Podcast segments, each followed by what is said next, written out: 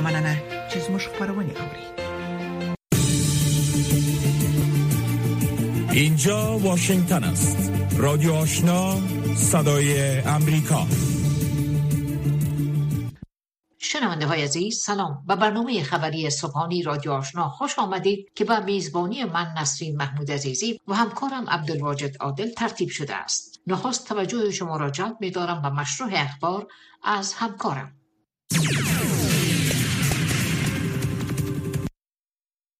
شنوندگان عزیز سلام اخبار این ساعت رادیو آشنای صدای امریکا را به توجه می رسانم. وزیران خارجه هفت اقتصاد بزرگ جهان جی هفت گفتند که وضع محدودیت فزاینده از سوی طالبان بر حقوق و آزادی های زنان و دختران افغان افغانستان را جامعه جهانی بیشتر از پیش دور می سازد. وزیران خارجه این هفت کشور ایالات متحده، فرانسه، کانادا، آلمان، ایتالیا، ژاپن و بریتانیا و رئیس پالیسی خارجی اتحادیه اروپا روز پنجشنبه 22 سور با نشر اعلامیه گفتند با این اقدامات طالبان خود را جامعه جهانی بیشتر منزوی می کنند. در این اعلامیه آمده است از طالبان می خواهیم که برای برداشتن محدودیت ها بر زنان و دختران اقدام فوری کنند ما اعمال تدابیر سختگیرانه فزاینده را که توانمندی نصف جمعیت افغانستان را از مشارکت کامل برابر و پرمفهوم اجتماعی به شدت محدود می کند محکوم می کنیم. پلیس شهر کراچی پاکستان می گوید که انفجار بم در این شهر سبب کشته شدن یک و زخمی شدن دوازده نفر دیگر شد. مقامات گفتند که این انفجار حوالی 11 دیشب 22 سور در ساحه صدر شهر کراچی به وقوع پیوست. تحقیقات ابتدایی نشان می دهد که مواد انفجاری در یک موتورسایکل جابجا شده بود. سجاد خان یکی از مقامات محلی پلیس گفت که این موتورسایکل در نزدیکی یک زبالدانی پارک شده بود و تا اکنون هدف این بمبگذاری واضح نشده است. بان هم او افزود که یک موتر محافظین ساحلی در میان سایر وسایطی است که در جریان این انفجار خسارمند شده است. پلیس گفته است که تنها قربانی این رویداد یک آبر بود. با گزارش روزنامه داون پاکستان ندیم انجم رئیس آیسای این هفته سه روز را در واشنگتن گذرانید و در اینجا با مقامات امریکایی دیدار کرد. دو کشور هنوز جزیات این مذاکرات را منتشر نکردند اما گمان می رود که آنها بر نگرانی های امنیتی دو جانبه و وضعیت افغانستان متمرکز شده باشند. گفتگوهای امنیتی میان ایالات متحده و پاکستان در حال صورت گرفت که بلاول بوتو زرداری وزیر خارجه جدید پاکستان به ایالات متحده سفر خواهد کرد. سفر بلاول پس از به قدرت رسیدن حکومت جدید در پاکستان و تحولات فوقالعاده در روابط امریکا و پاکستان انجام خواهد شد. مقام ها در کیف می‌گویند که از تاریخ 24 ماه فبروری به این سو بیش از 560 تن از نیروهای گارد ملی اوکراین در اثر تهاجم نظامی روسیه در این کشور کشته شدند. اولکسی ناتوچی رئیس گارد ملی اوکراین گفت که در میان کشته شدگان نظامیان غند نیروهای خاص آزوف نیز شاملند که هنوز هم در فابریکه فولاد شهر ماریوپول با مقاومت ادامه می دهند او گفت که 1697 نظامی دیگری نیروها زخمی شدند. مقامات اوکراینی در گذشته به ندرت در مورد تلفات وارده به نیروهای این کشور معلومات می‌دادند. وزارت دفاع روسیه نیز در مورد تلفات نظامی خیش معلومات ارائه نکرده است. در اواسط ماه اپریل ولادیمیر زلنسکی رئیس جمهور اوکراین گفت که در حدود 2500 تا 3000 نظامی اوکراینی در جنگ با روسیه جان باخته و در حدود 10000 نفر دیگر آنان زخمی شدند. در این حال یکی از نیروهای اوکراینی که در یک مجتمع عظیم فولاد در بندر ماریوپول واقع در جنوب شرق اوکراین در محاصره نیروهای روسیه است از ایلان ماسک میلیاردر امریکایی و مالک اسپیس اکس درخواست کرده است تا به تخلیه آنها از آن مجتمع کمک کند. بسیاری از غیر نظامیان هفته گذشته بر اساس توافق با روسیه توانستند از مجتمع فولاد در ماریوپول خارج شوند اما هیچ توافقی با مسکو برای خروج صدها مبارز اوکراینی که تعدادی از آنها پس از هفته ها بمباران زخمی شدند صورت نگرفته است ماسک ثروتمندترین مرد جهان مالک شرکت فضایی اسپیس اکس و سازنده موترهای برقی تسلا است و قصد دارد تویتر را بخرد.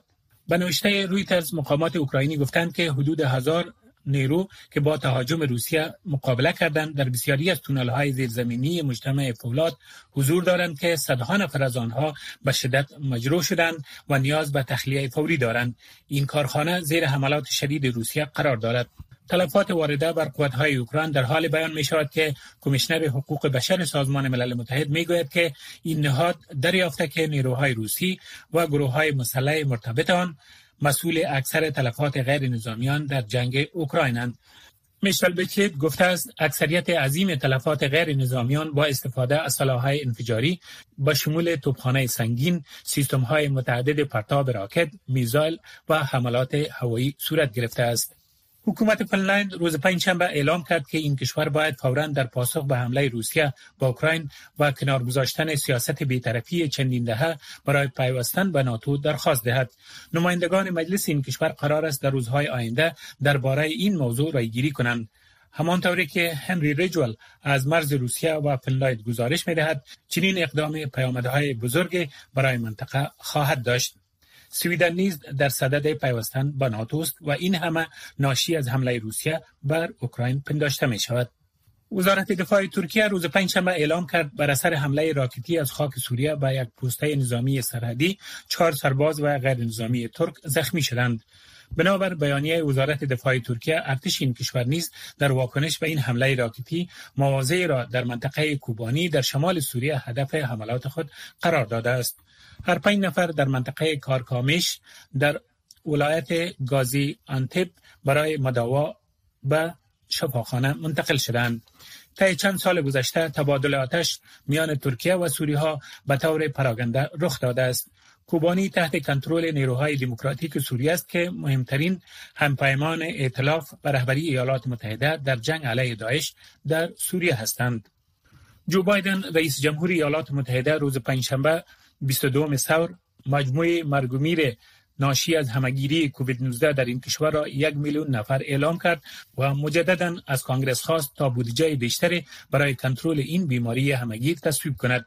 بایدن در جریان سخنرانی در نشست مجازی جهانی کووید 19 گفت این همگیری تمام نشده است. امروز ما رویداد غمانگیز را اینجا در ایالات متحده رقم می‌زنیم. یک میلیون مرگ ناشی از کووید هر یک خانواده جامعه و یک ملت را رها کردند که برای همیشه به دلیل این ویروس متحول گردیده است. اداره بین‌المللی انرژی روز پنجشنبه اعلام کرد علیرغم کاهش تولید نفت در روسیه جهان با کمبود شدید آن مواجه نخواهد شد. ارزیابی جدید برخلاف پیشبینی ماه مارچ اداره بین‌المللی انرژی مبنی بر شوک در عرضه جهانی نفت است. این اداره مستقر در پاریس در توضیح تغییر در پیش بینیش اعلام کرد. افزایش تولید در جاهای دیگر و نیز رشد کنتر تقاضا به دلیل قرنطین جاری در چین سبب جلوگیری از کسر شدید نفت ناشی از تحریم های گسترده غرب علیه بخش انرژی روسیه خواهد شد. این بود اخبار این ساعت که شما آن را از رادیو آشنای صدای آمریکا شنیدید.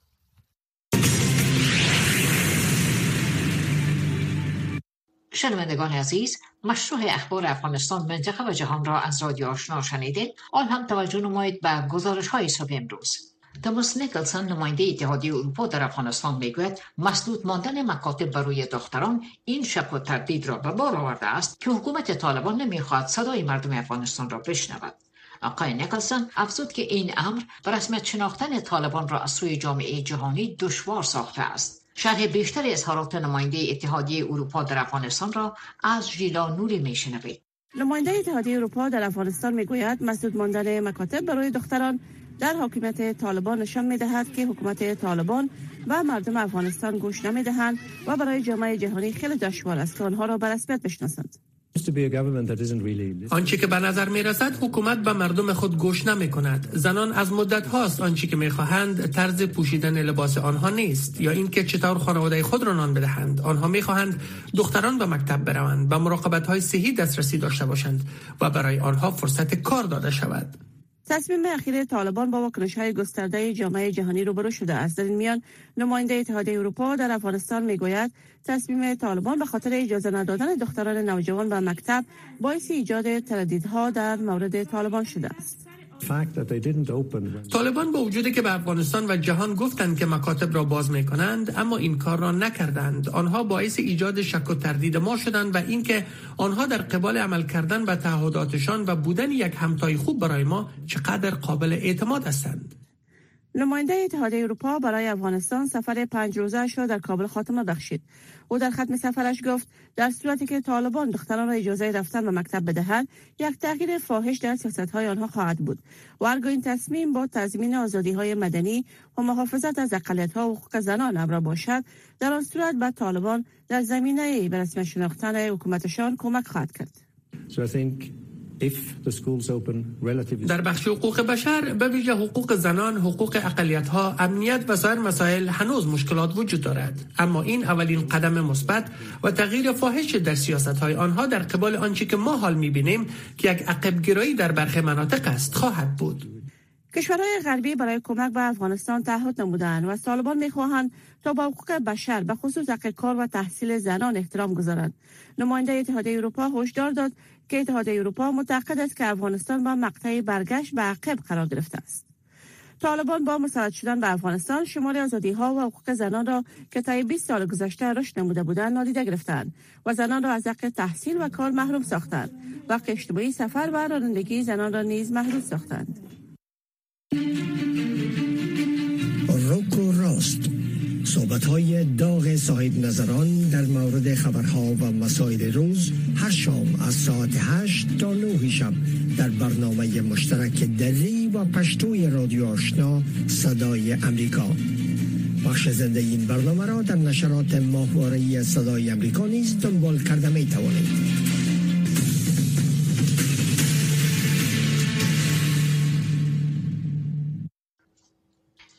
بولتن مشاور سابق امنیت ملی قصد سفید می‌گوید طالبان عملیات پروپاگاند را راه اندازی کرده حقایق را پنهان می‌کنند و دروغ می‌گویند.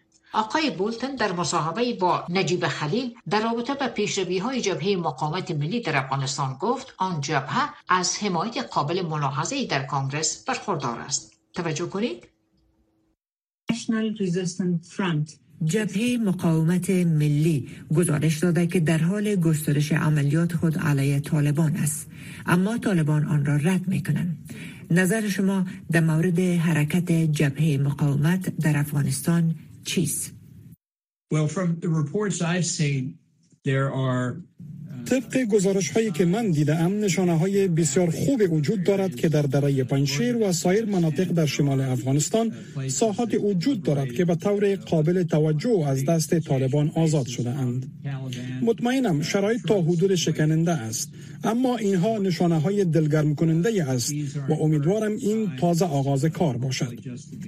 فکر می کنم این برای مخالفان طالبان بسیار مهم است که در مناطق مختلف کشور عراضی های را داشته باشند که طالبان آن جاها را کنترل نمی کنند فکر می کنم شما با ساحات عملیاتی در داخل افغانستان نیاز دارید. فقط تلاش برای تاثیرگذاری از خارج از کشور کافی نیست. بنابراین می‌دانم که تا حد مایوس کننده است. اما حالا زمان برای حوصله و یافتن راه ها است از منظر امریکا ما می توانیم به مقاومت در هنگام ورود به کشور برای تأمین منابع مادی، ارتباطات و موارد دیگر کمک کنیم که این اقدام می تواند به آنان در این روزهای اول کمک کند.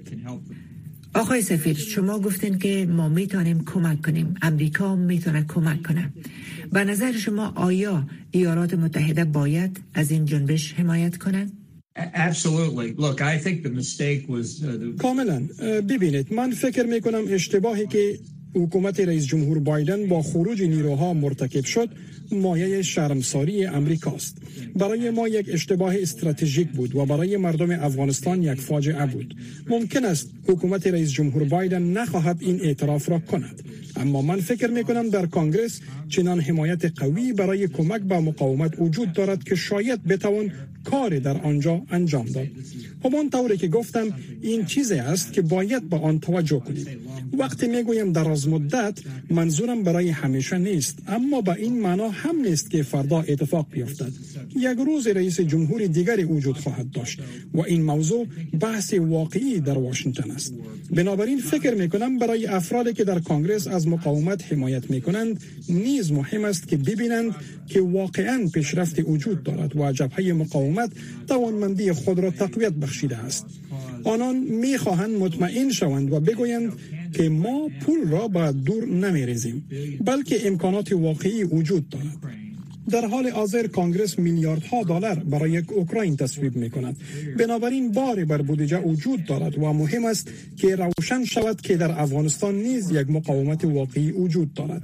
من مطمئنم اینجا در واشنگتن مردمی که با مقاومت در ارتباط هستند مردمی که در افغانستان هستند شهروندان افغان امریکایی همگی می توانند در اطلاع رسانی به کانگرس و مردم امریکا به طور کلی در مورد آنچه در افغانستان اتفاق می افتد شرکت کنند. زیرا خبرنگاران غربی در آنجا وجود ندارند که بتوانند به طور موثر در خارج از کابل و یکی دو مکان دیگر گزارش دهند. آنان مطمئنا در مناطق در اطراف پنشیر نیستند که مقاومت تحت تصرف در آورده است.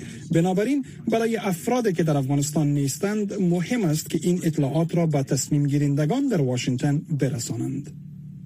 آقای سفیر زبی الله مجاهد سخنگوی طالبان اخیرا در مصاحبه با صدای امریکا نه تنها ادعای جبهه مقاومت ملی را تکذیب کرد بلکه گفت که خبرنگاران رسانه های خبری بسیار برجسته بین المللی در آنجا هستند و می توانند ببینند و گزارش بدهند نظر شما در این مورد چی است؟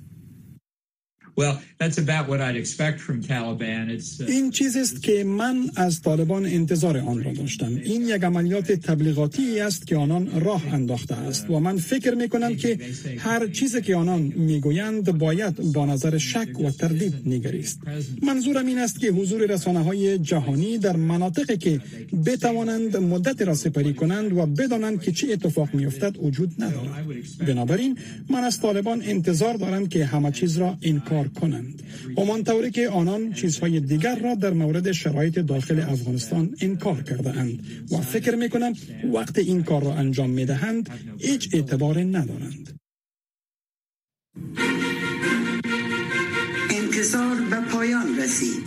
بینندگان و شنوندگان عزیز بعد از این می توانید برنامه های صدای امریکا را از طریق شبکه ماهواره جدید ببینید و بشنوید. برنامه های تلویزیون آشنا سی دقیقه کاروان و برنامه های رادیو آشنا را می توانید در چنل 469 شبکه ماهواره یاست دنبال کنید.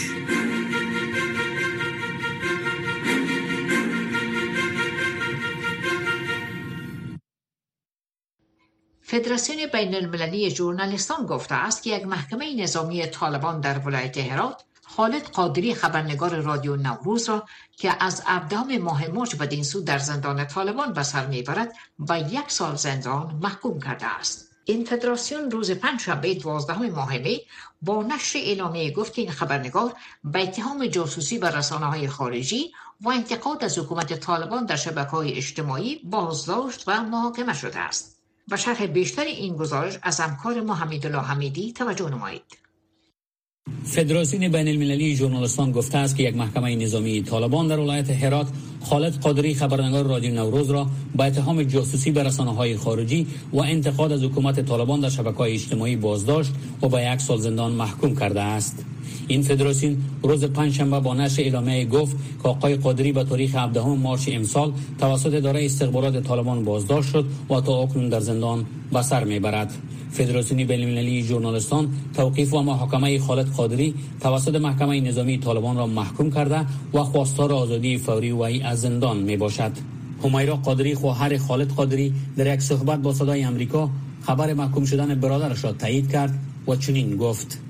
خالد قادری شاعر و خبرنگار 17 مارچ از خانه بیرون شد و دیگه به خانه بر نگشت خانواده پنج روز در هرات دنبالش گشتن و در نهایت متوجه شدند که استخبارات طالبان خالد دستگیر کردند. خالد بعد از گذراندن چند روز در امنیت ملی طالبان که خانواده نتونست به او هیچ ارتباط برقرار کنه به توقیف خانه سپرده شد. در توقیف خانه پدر توانست رو ببینه و خالد از توقیف خانه به محکمه نظامی طالبان دوباره سپرده شد. در محکمه نظامی طالبان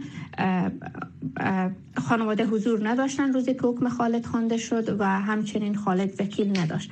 در این محکمه خالد به یک سال زندان بدون حق استیناف خواهی محکوم شده و حکم خالد هم دقیقا توهین به سران و بزرگان امارت اسلامی بیان شده. خالد در فیسبوک چند پست فیسبوکی داشت که اعتراض کرده بود به شرایط و بعدها خودش هم پست های فیسبوکی خودش پاک کرده بود. منتها طالبان با استناد به screen هایی که از فیسبوکش داشتن خالد به یک سال زندان محکوم کردن و البته پدرم حالا در ملاقات هست با او مرتب به دیدارش میره و ما حق دیدار داریم. اما به حال خالد حق استیناف خواهی نداره. زبیح الله مجاهد سخنگوی حکومت طالبان در واکنش بر توقیف و زندانی شدن خالد قادری می‌گوید که وی به دلیل داشتن جرایم جنایی توقیف شده است. اول خو خبرنگار با جرم کدام خبرنگاری متهم نبوده بلکه جرم جرم جنایی داشت که محکمه او را محکوم کرده. بله به زندان رفته. محکمه نظامی نه محکمه عادی را محکوم کرده محکمه ابتدایی هرات. دیگر موضوع تا حدی جنایی است و موضوع حقوقی است اخیرا انجمن ژورنالیستان آزاد افغانستان از افزایش توقف فعالیت های رسانه ها در افغانستان ابراز نگرانی کرده و گفت که در 8 ماه اخیر 287 رسانه در این کشور از نشرات باز مانده اند. این در حال است که اخیرا سازمان عفو بین المللی از افزایش سانسور در نشرات رسانه های افغانستان خبر داده و گفت که در حال حاضر کار خبرنگاری در این کشور در معرض تهدید قرار دارد.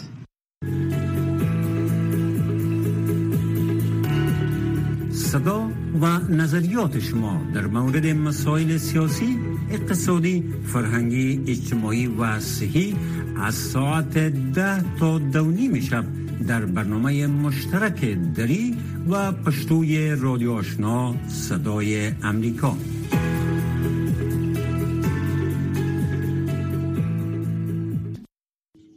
برای اولین بار در یک دهه اخیر برخی از مردم افغانستان قحطی را تجربه می کنند. بررسی های جدید نشان می دهد که 20 هزار نفر مرحله پنجم عدم مسئولیت حاد غذایی را تجربه می کنند که شدیدترین سطح عدم مسئولیت غذایی پنداشته می شود. راه حل برای جلوگیری از افزایش این رقم در میان مردم افغانستان چیست و چه اقداماتی باید روی دست گرفته شود تا جلو بدتر شدن عدم مسئولیت غذایی گرفته شده بتواند در این مورد من نسرین محمود عزیزی مصاحبه با دکتر دستگیر رضایی پژوهشگر امور اقتصادی انجام دادم که پیشکشتان میگردد جناب دکتر رضایی راه حل برای جلوگیری از افزایش این رقم در بین مردم افغانستان چی هست و چه اقداماتی باید روی دست گرفته شود تا جلو بدتر شدن عدم مسئولیت غذایی گرفته شده بتانه؟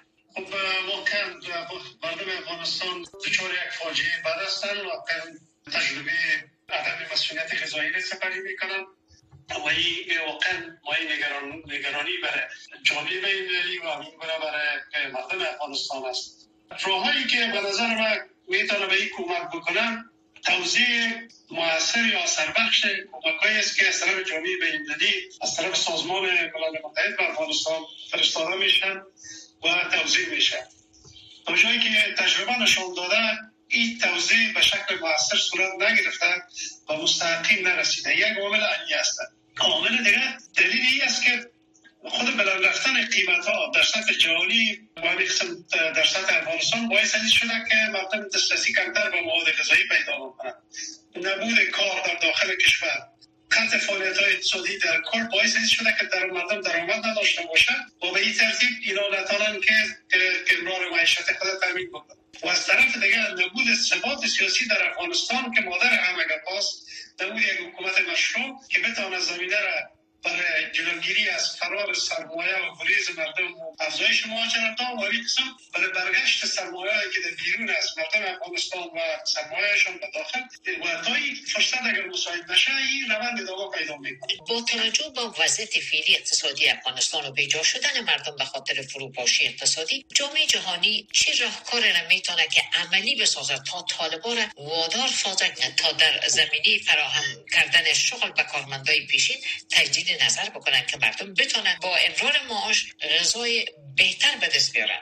خب تا جایی که دیده میشه جامعه بینالمللی هم که بنیاد تعاملشون با طالبا همون معایداتی است که در دوحه صورت گرفتن بین طالبا و امریکا اونمو اساس است. بر اساس همون تعهداتی که طالبا سپرده بودن وادار بسازن اینه که باید به اون تعهدات وفا بکنن. یکی از جمله این بود که با یک دولت با مشارکت همه بسازن و حضور همه اقشار جامعه در امور دولتداری فراهم بسازن کی کار صورت نگرفت نه تنها کی کار صورت گرفت نه تنها کارمندای دولت از کار اخراج شد و به افراد گروه خودشان که اونا نه تخصص دارن نه مسلک دارن و نمی‌تونن که از مدیریت اداره دولت برای و در آخرین تحلیل اگر به این وضعیت توجه نشه و همین وضع ادامه پیدا بکنه پیامدهای زی چی خواهد خب تنیز که پیامد زی که تعمیق بحران است و بدتر شدن وضعیت است که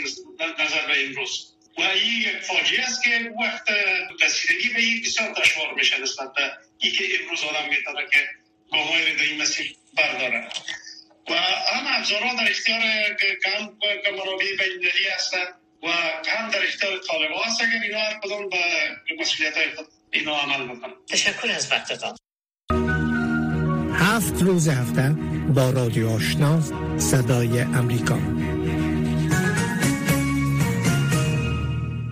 و حکومت روسیه هشدار داده است که پیوستن فنلند به پیمان اتلانتیک شمالی یا ناتو بی پاسخ نخواهد ماند.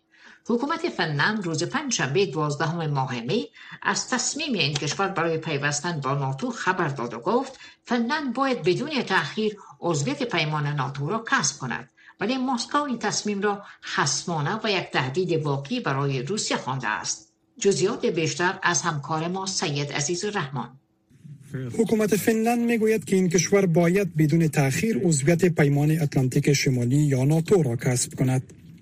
این تصمیم که تهاجم روسیه بر اوکراین باعث آن شده است یک تغییر بزرگ در پالیسی فنلند می باشد ساولی ننیستا رئیس جمهور و سانا مارین صدر فنلند در یک اعلامیه مشترک گفتند که عضویت در ناتو باعث تقویت امنیت فنلند و برعکس آن خواهد شد. اشتراک ما در ناتو بر ضد هیچ کسی نیست. ما می خواهیم که به یک طریق امنیت خود را به حد اکثر آن افزایش بدهیم. ولی با این کار کسی دیگری ضرر نمی کند اگر فنلند امنیت خود را افزایش می دهد کاری نیست که دیگران نتوانند. فنلند با داشتن 1300 کیلومتر مرز مشترک با روسیه و یک گذشته دشوار با مسکو پس از الحاق شبه جزیره کریمیا در سال 2014 با روسیه همکاری خود با ناتو را به گونه تدریجی افزایش داده است ولی تا زمان تهاجم روسیه بر اوکراین این کشور به دلیل داشتن روابط دوستانه با مسکو از تصمیم برای پیوستن با ناتو خودداری کرده بود روسیه تصمیم تازه فنلند را یک اقدام خصمانه خوانده که به گفته قصر کرملین یک تهدید واقعی برای روسیه محسوب می شود.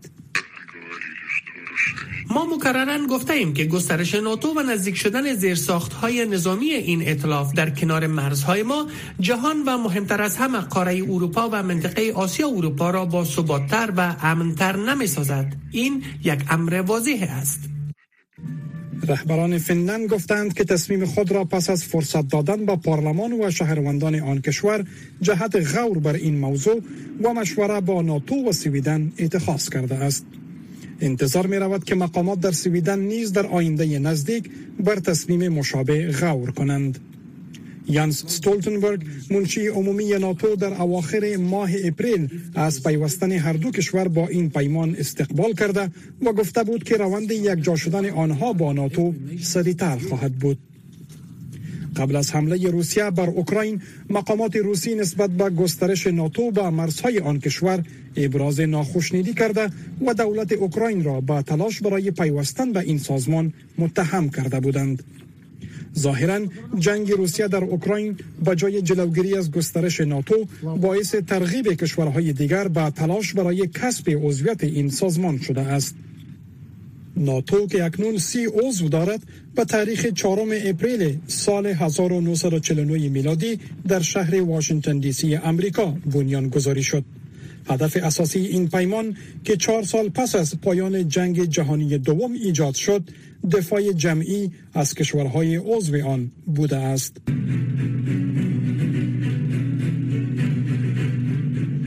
شنوندگان عزیز در اینجا می رسیم به پایین بخش دوم برنامه صبح امروز رادیو آشنا چند لحظه بعد نشرات برنامه رادیو آزادی رو روی همین موج می شنوید که تا هفت شام به وقت کابل ادامه دارد تا ساعت هفت شام که بار دیگه با نشرات رادیو آشنا در خدمت خواهیم بود با شما عزیزان خداحافظی می کنیم روز بخیر خداوند یار و یاور شما